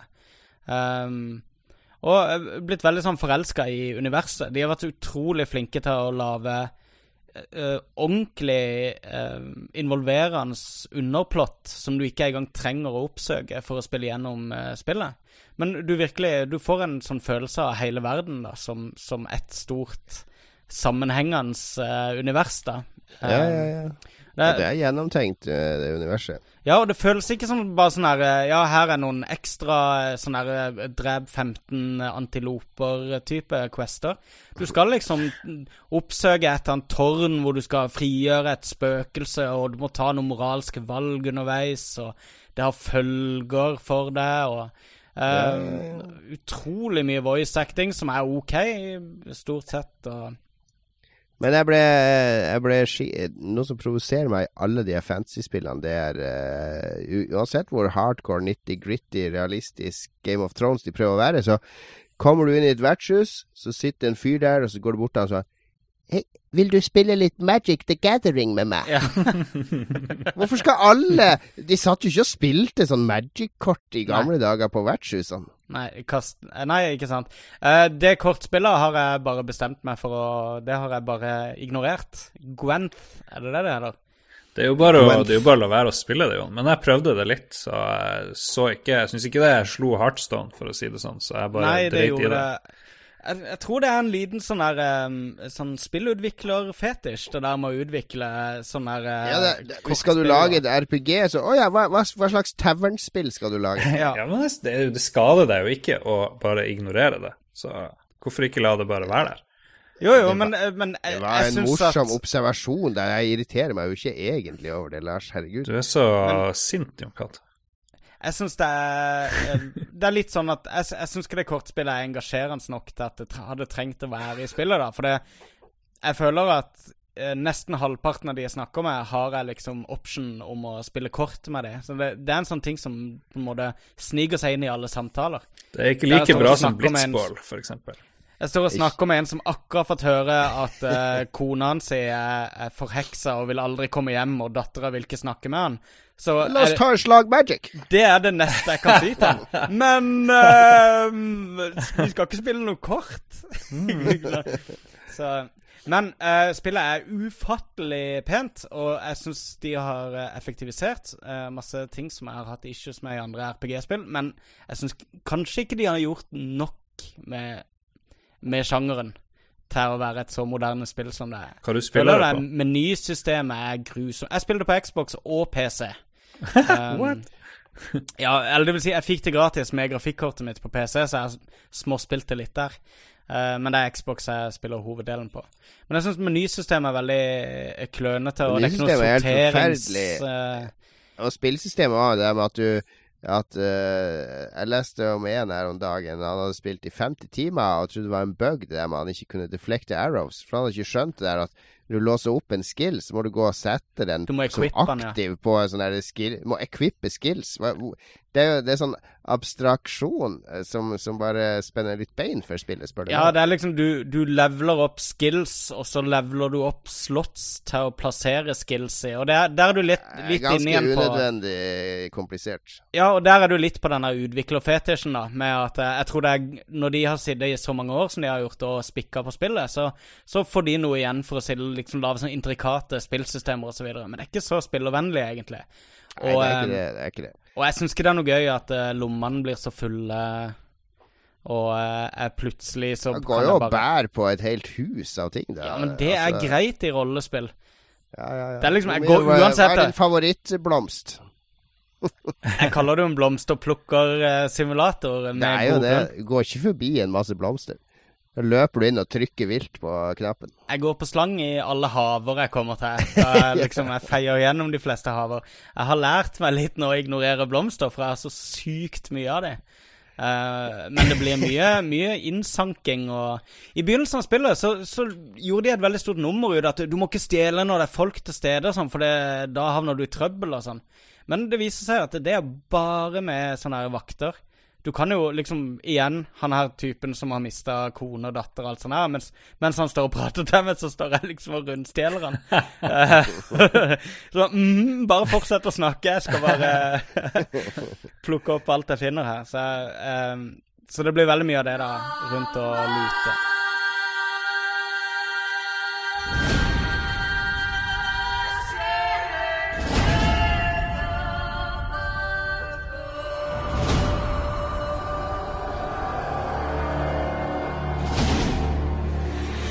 Lars, da. Du har eh, Hva er det jeg ser her? Har du funnet VU-en din? Uh, jeg har eh, tenkt på i det siste å kjøpe meg en Wii U, fordi jeg fant ikke den første jeg fikk eh, fra Nintendo.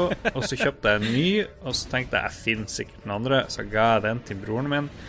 Og så fant jeg aldri den første Wii U-en min, og så tenkte jeg OK, jeg kan ikke drive og låne Wii U fra folk, jeg må ha min egen. Og så skulle jeg dra og kjøpe, og så hadde de ikke, eller den var altfor dyr på Elkjøp. Så drev jeg og en kompis og lette etter Blade Runner, og det første eska han åpnet, der ligger min Wii U pakka godt inn i Apropos plast. det her, har du huska å føre Wii U og sånn opp som inntekt på skatten din? Husk alle spill du får tilsendt. All hardware du får tilsendt, skal være for... Ok, vi stryker det. Stryk det fra sendinga. Selvfølgelig har jeg gjort det. Selvfølgelig har jeg gjort det. Men jeg fant Wii U-en min og drev og lada opp og styrte på, så faktisk i dag så har jeg spilt litt Bajonetta, og jeg har spilt mm, veldig mye mer uh, Tropical Freeze, uh, Donkey Kong-greier. Tropical Freeze er fett. Ja, så jeg og toplayer, hadde besøk like før sendinga starta, og vi hadde det veldig gøy. Men han kompisen min, uh, spillegen Dr. Kian, han sugde vel balle i timing og holde kontroll på knapper og sånt. Så jeg skjønner godt hvorfor han spiller sånne her eh, Pillars of Eternity. og det er en sånn enklere ting for deksteritetens skyld. Men ja, jeg digger Donkey Kong. Men Det er ganske vanskelig, hæ? Ja, det er ikke så vanskelig som det første eh, eh, Donkey Kong Kun, eller det der som de lagde før, Retro Studios. Men, men det er vanskelig. Men det er veldig vanskelig i toplayer, spesielt når du kommer til verden fem og seks og syv og sånn. Altså, Ja. De ungene mine får ikke være med og spille når vi skal spille det, for da blir jeg bare så sur. Nei, men Det enkleste var jo at den ene satt på ryggen til den andre egentlig nesten hele tida og bare hoppa av litt av og til, for da blir spillet enklere, faktisk. Det gjør jo det. Men um, nei, det kjempegøy. Syns det der var helt strålende. Det var akkurat sånn jeg hadde håpa det skulle være. Mens Bajonett 2 var det første jeg prøvde, og det ble fort skrudd av fordi det ble litt for sånn her Jeg kjente meg veldig Masete. gammel. Eh, plutselig. litt for uforutsigbart. Og det begynner med masse historie, og du er jo i en sånn her weird plane eller sånn her eh, dimensjon eller noe. De driver og forteller historier til deg mens du skal slåss, og jeg klarer ikke å gjøre begge deler samtidig, liksom. Så jeg bare eh, fuck, få meg ut fra det her, og så må jeg liksom fokusere. Jeg må få amfetamin eller noe sånt, sånn at jeg kan liksom bare havne vilt inn og få nok, nok overskudd til å gjøre begge deler. Kjøp amfetamin, folkens. Denne sendinga er sponsa av Hvor er, det, hvor er det man får amfetamin i Harstad Da? fra min legekompis, selvfølgelig. Vi er sponsa av Harstads eh, lokale amfetaminutsalg. Olavsgården. Der har de det meste. Ja, jeg er veldig glad for at du har funnet frem til VU-en din igjen. Og da um, blir det da, da må vi spille Splatoon online eh, nå til uka. Oi, oi, oi. Det kommer nå fredag, nemlig. Det er sant. Spennende. Vi har en date. Det blir Splatoon Let's Play, Lars Hoppe. Ja, vi får eh, gjøre det. Jeg glemte vel å be om Splatoon, fordi jeg visste jo ikke at jeg hadde eh, det. Så ja. Men Men Lars, hvordan mister man en konsoll? Det går helt fint. Jeg har mista veldig mye. Jeg mista en Lynx og mista Jo, men en, en, en konsoll som er liksom denne generasjonen Ja, men når du flytter og har dritstort flyttelass, selv om tre ganger vet jeg har jeg leita gjennom absolutt alt jeg visste jeg hadde av væske, og så bruker kompisen min ti minutter på å finne den. Det var kjedelig. Men dere vet han der eh, fotografen, han Per Heimly, han har jo mista tre Ja. biler eller noe sånt, så det, jeg føler meg veldig som han. Og syns det er litt kult.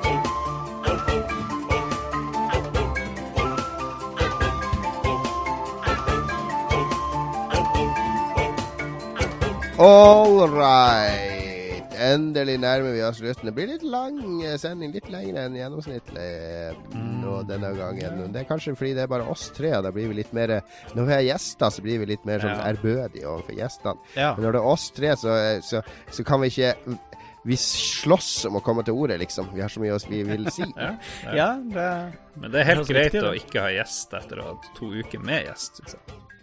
Ja, og vi skal ha en megaflom av gjester om noen få uker på, fra Klekken. Det skal vi snakke mer om i neste Lolbua. Nå blir det lunstemning med Mr. Fitness himself. Han sitter klar oppe i Harstad. Han har satt seg foran peisen i dag eh, på et eh, deilig lite ullteppe. Ute skinn midnattssola. Ja, nyte sommeren som er i anmarsj. Det skal være godvær på vei til Nord-Norge, så i morgen så tenker han å gå på Oh my Kanskje han skal gå på jobb. Det har logga Kanskje han av skal sånn ti stykk mens du har prata. Kanskje han skal gå på jobb i bar overkropp og shorts. Er det lov i Harstad-Tine å jobbe i bar overkropp? Det finner Lars ut i morgen. Vær så god, Lars. Lytterspalten. Takk, takk for den korte, fine introduksjonen. Skal vi se, vi hopper rett på Mats Nordlund Hansen, som sier at speedrunninga for veldedighet, som vi snakka om tidligere, heter Games Done Quick. Eller Ja. kanskje også Awesome Games Done Quick. eh, Riktig, skrev han i parentes. Uh, Mr. Mr. Mr. Mimi uh, sa, uh, har et spørsmål til chilieksperten, sier han. Og lurer, han lurer på om var chilien du spiste fersk? Det er det første han lurer på. Ja, den hadde vært frossa da, men den var tint opp. Ja, selvfølgelig var den tint opp. Du kan ikke spise frossen chili. Nei, men den var ikke Den var ikke varm da. Den var litt kald fortsatt, men ikke ja, fersk nok. Ok, Vi får se om Mr. mister, mister Mimi har noe å si til det. Eh, men han fortsetter. Han ble inspirert og har nå bestilt Ghost Chili fra nettet, som ikke høres ut som en god idé, eh, men tørket. Ja, det er kanskje det han mener. Eh, så lurer han på om tørka er like sterk som fersk. Ja, ja, Den jeg spiste, var ikke tørka, men eh, jeg vet ikke om det er noe forskjell på tørka og fersk. Det vet kanskje vår gourmet eh, Magnus. Eh, du må snart slutte å kalle meg gourmet, Jon Cato. Det er litt ubehagelig. Men Mat, eh, jeg skal begynne å kalle deg matvrak. Det vet kanskje matvraket Magnus. jeg er faktisk mye mer matvrak for tida enn eh, Matvrak enn er et perfekt norsk ord for gourmet. Uh, ja. Um, jeg vet i hvert fall at når du tørker det, så er det mye mer eh, intense smaker i ting. Når du liksom får ut alt vannet. Eh, jeg vet ikke om det er sterkere, men jeg vil i hvert fall ikke tro at det er um, Jeg vil i hvert fall ikke tro at det er mildere å spise eh, tørka chili. Ok, da sier vi det. Han eh, Marius Leirones sa på Facebook til oss tidligere i dag eh, om at eh, Ja, han lurte på om du spiste en Trinidad Scorpion Butch tepepper. Og så svarte vel du Jon hva det var, men det, det finnes veldig mye rare navn eh, på de her eh, tingene, altså. Ja, de er jo De er vel sånn breeda og dyrka fram og sånn og kryss kryss kjørt sammen med andre ting. Men den Trinidad var vel verdens sterkeste Ja. fram til, fram til Carolina kom og tok over. Ok. Riktig. Um, Tor Erik Gundal eh, var klar til at vi skal ha sending. Da har vi nevnt det. Takk for det. Alexander Erlingsen, også kjent som Grognak88, eh, sier at hans største spillprestasjon må nok ha vært 100% i Fallout 3 eh, og gjort alle quests oppnåelig og alle achievements. Så det er Imponerende. kult. Det er veldig bra. Veldig, veldig. Du, det er jo Magnus, du nevnte uh, før sending i dag en veldig morsom eh, Et spill vi snakka om for et par sendinger siden som heter Invisibles Incorporated. Invisible Ink. Invisible Ink, ja. Som er sånn der uh, XCOM-strategispill. Uh, der folk på Steam har vært veldig frustrert over at de ikke klarer å få den siste achievementen. Og Hva, Hvorfor har de ikke klart å få den? Ehm, dette er jo et spill som handler om agenter, hemmelige agenter som hacker seg inn i datasystemene. Og den siste achievementen uh, må du faktisk inn og endre på koden i selve spillet for å unlocke. Oh. Det er briljant! For det er en god idé. Det, det er fantastisk. Det er jo Kojima-nivå på Ja, det er, det er det. Men det er et fantastisk kult spill. da Alle bør teste ut det på Steam. Dødsbra. Invisible Ink. Um, Marius Krinnan, også kjent som Nanirk eh, med to n-er, sier at han kjørte i veggen i Road Rash på PlayStation 1. Logisk nok forsvant føreren 90 grader rett opp i minst 4-5 sekunder før han landa. Og det var lol for en tiåring, sier Marius. Og det var jo ganske ekstremt. Uh, error i spill kan jo være ganske morsomt. Definitivt. Sånn som i eh, hva det heter, Assassin's Creed Unity, når folk dukker opp uten ansikt, eller bare med øyne og munn og sånt. Det er litt ekstra. Han, eh, Mr. Mimimi har også et annet eh, bidrag til oss i dag, og det er til Magnus, som han skriver Magnus, og det er kanskje han vet nå ikke vet, Mr. Magnus. ja, det, det vet ikke jeg heller. De som har hørt på oss lenge, de vet at av og til så snakker vi om noe som heter Splash, og jeg tipper jeg hadde i hvert fall vært eh, forvirra, men Splash er altså bildet som vi knytter til ting og tang, eh, sånn som episode 47, 42, og så er det et eller annet bilde. Og det er da Splashen. Og han lurer på hvordan Splash er du mest fornøyd med? Vi har snakka så mye om det at nå får vi spørsmål om Er det. det, det er det Magnus som har vært og laget seg sånn ny Twitter Og endelig, jeg må sende noen spørsmål om splashene, så jeg får lov å snakke litt om dem. Nei, jeg sverger det er ikke meg som har skrevet det. Um, hvilke splasher er jeg mest fornøyd med? Var det det som var spørsmålet? Nei, jeg vet ikke. Jeg syns det er gøy, og jeg var veldig fornøyd med den Zeldaen. Den, var- den syns jeg ble dritfin. Uh, ja, Den uh, bryllupsferdige Hardanger, Ja. Den er veldig fin. Den- Den har jeg på Twitter-bakgrunnen min. Den har jeg lagd en HD-versjon også for en annen kompis av oss, som eh, har uh, fått den ordentlig trykka ut og, og ramma inn, faktisk, og har på veggen hjemme. Um, Apropos den, eh, på retrospillmessa, ikke for å ta glorien bort fra det, men der hadde, var det noen som hadde tatt sånne gamle landskapsmalerier. Ikke sånne fine, men litt sånne Sånn helt fi, greie, romantiske. ja. Og limt på spillfigurer, da. Ja, så at det var sånn kjerrevei som gikk mot horisonten, og så var det baksida av Yoshi sin kart i Super Mario Kart på, Mhm. på Snes. Det var veldig kul eh, sånn kombo av eh, art og pixelart. ja, ja, riktig. Han, Nei, så er jeg veldig, veldig fornøyd med Jeg syns det er gøy å lage logoer også. Jeg, liker, jeg er jo super Adidas-idiot. Jeg har jo 35 par med Adidas-sko hjemme. hjemme. Ehm, så den Adidas eh, mockup-logoen er jeg veldig stolt av. Den syns jeg er kul. Ja. Og PlayStation-logoen, kanskje. han mister med meg, med meg, med. Han sier at uh, Fifa-coveret ditt var veldig kult. Vi må nesten legge opp noen sånn Best of en eller annen gang. Lage en egen sak på Lolbua med dine greatest hits, Magnus. Skal du tenke på om det? Det kan vi gjøre. Magnus Ja. Greatest Tits. Yes. Det må vi kåre en gang. Han har litt mer han lurer på, han der eh, med med med. Ja, han eh, snakker om hvordan spillrekord han er mest eh, fornøyd med. Finn fem feil i automat i Ayanapa som vi satt i timevis foran. Småfulle og luka ut feil på to like bilder. Deilig øyeblikk å se gjengens navn øverst på lista. Jeg vet ikke helt hva han snakker om. Jeg har aldri Ja, vært full i han er Ayanapa. Ja, han er på ferie, altså sitter i har- Arkadehall i timevis og, og med Så sånn det- Finn 5 feil-automat. Jeg har aldri sett en sånn automat. Det er Men fantastisk ut som en drikkelek. ja, det, det minner meg litt om Det burde vi ha snakka om i sted, Larsen. Og vi satt i sånn der eh, ti timer og spilte Puzzle Bubble mens vi hørte på Hyperstate på radioen i Oslo. Ja, det var, da var vi rad, for å si det sånn. Ja, for vi var, så, vi var for feige til å dra på Hyperstate selv om vi hadde lyst. Så vi tenkte vi kunne heller sitte hjemme og spille toplayer Puzzle Bubble. Superedru, by the way. Busta move mot hverandre mens vi drakk cola og, og hørte på Hyperstate på radio. Det var, vi, var, vi, vi var ville og gæren der, altså, på den tida. Ah, great, great moment. Nei, men det er helt greit for meg, altså. Helt greit. Um, skal vi se. Han savner gode gamle spillehaller hvor man hadde en high school-liste det var prestisje å være øverst på, sier vår etter hvert gode venn Mr. Mr. Mr. Mi, Mi, Mi. Eller Eme, Eme, jeg vet ikke. Skulle Men det var litt av greia, ja. Med spillehaller så var high score-lista en, eh, en eh, stor greie. Var, det var mm. både på eh, pinballmaskiner og arkademaskiner. Det er en ting som har kanskje forsvunnet litt. Det er ikke helt det samme på Hva internett. var, hva var trippelinitialene våre? Altså, jeg var jo JCL, det er OMT. OMT. Ja, og LRO. Men, og, eller Kuk, selvfølgelig, jeg visste. det. Ikke noe vits å hete LRO. Den kuleste jeg har vært borti, er jo min, eh, eller vår venninne Anna Aarseth, som jeg skrev spillbok med, for hun hadde jo AAA. Ja, riktig. Så hun var på mange high score-lister. Ja, hun må ha leda mye, ja.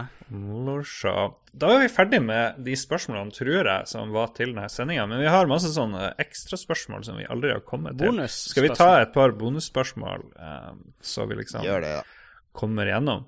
Eh, skal vi se Jeg lurer på om vi tok med det her første spørsmålet her, faktisk, fra Bernt Erik Sandnes. Om Du, Eller har kanskje bare drømt det? Ja, vi svarte på den Vi gjorde gjør det, ja. Da fjerner vi den.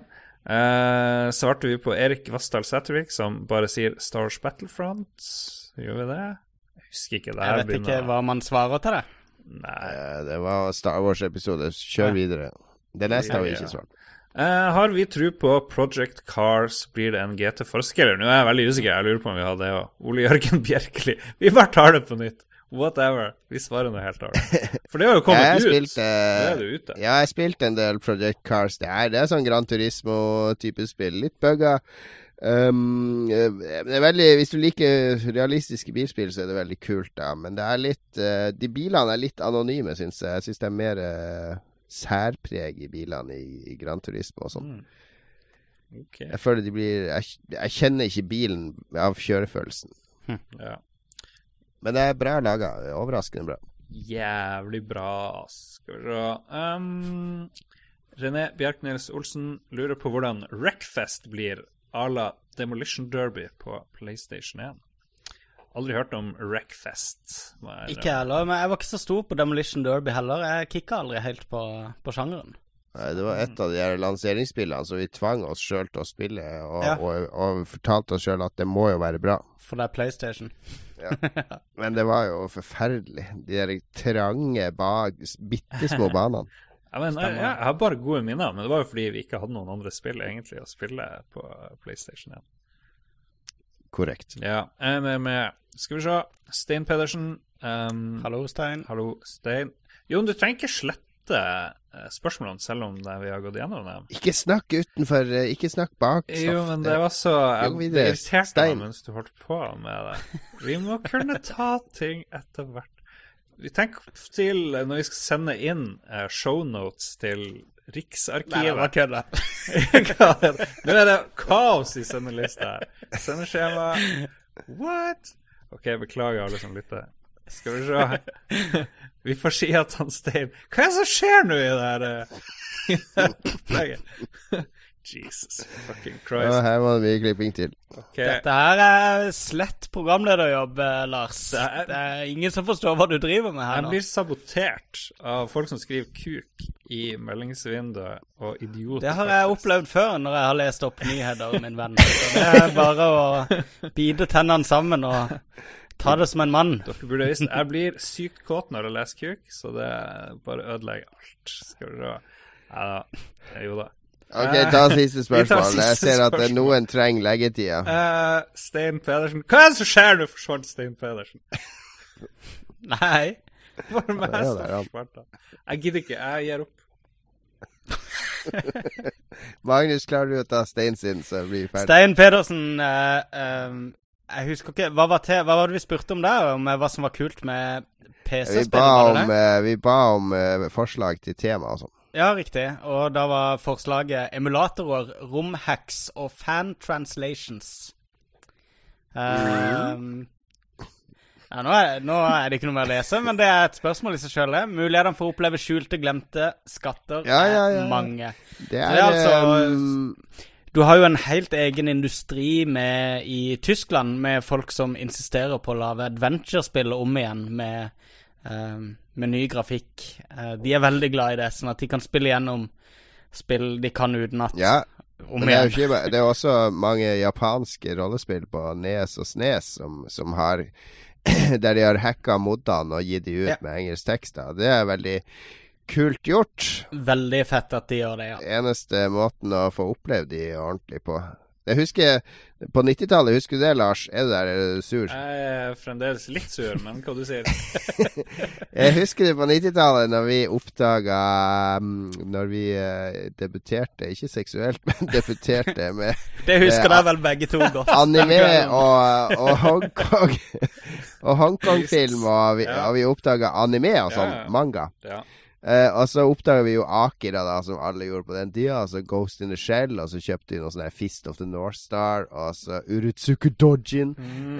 ja, det gikk fort nedover. Altså, Man, Ja, vet, all driten begynte å dukke ja, opp. for når du hadde Men- sett noen så- av de bra filmene, så var det ikke flere bra filmer igjen. Det var bare piss, eh, egentlig. Helt, helt til vi eh, via vår venn Frank fikk høre om en som heter Geir. For han hadde noen videoer som ikke fantes i Europa eller Vesten, da. Eh, som, som var fan-translator på VHS. Og så dro vi hjem til han, og så så vi Totoro der. Jeg vet ikke om du var med der. Jeg var i hvert fall med der. Nei, jeg husker ikke hvordan jeg så det. Jeg frykta det verste der, eh, Jon, må jeg ærlig innrømme. Det- Nei, men da, det var Ghibli-filmer, da. Fordi Disney eh, Eller de var ikke interessert Det var ingen som ville distribuere det. Jeg tror det var noe sånn Disney drev og blokka at det skulle komme ut i Vesten fordi det satt Disney i sånn dårlig lys. Men vi så noen av de filmene da som var sånn VHS-opptak av VHS-opptak av VHS-opptak. Ganske slitt og dårlig med sånne gule tekster som fans hadde lagt på engelsk tekst. Og, et par, og, det bare så en helt ny sånn dimensjon Mm. til, til animeen. Ja. Og nå i dag kjenner jo alle Ghibli. Altså det er jo Eller burde kjenne Ghibli. Det er som Ja. å kjenne Disney. Ja, ja. Men på den tida så var det Det her var jo før når vi satt med nyhetsgrupper og før webbrowsere og sånn, og, og bare oppdaga at det fantes noe sånn. Og hvorfor i all verden ga de ut det der Fist of the North Star her i, i Vesten Ja. i stedet for det her Eh, Jeg hadde i hvert fall sett Totoro før jeg for ned til Japan i 99 en gang, eller hvordan det var. Men jeg husker ikke helt hvordan jeg så den første gang. Ja, nei, sjekk alle um, Studio Ghibli-filmene, eller i hvert fall de han Miyazaki har regissert. Senior. Senior.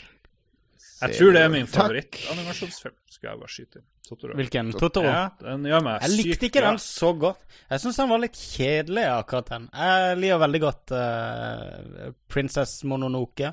Det er det som er så er genialt med Totoro. Den har ingen tradisjonell spenningskurve. Den bare Nei. gjør sitt eget, liksom. Bare fucker med forventningene dine.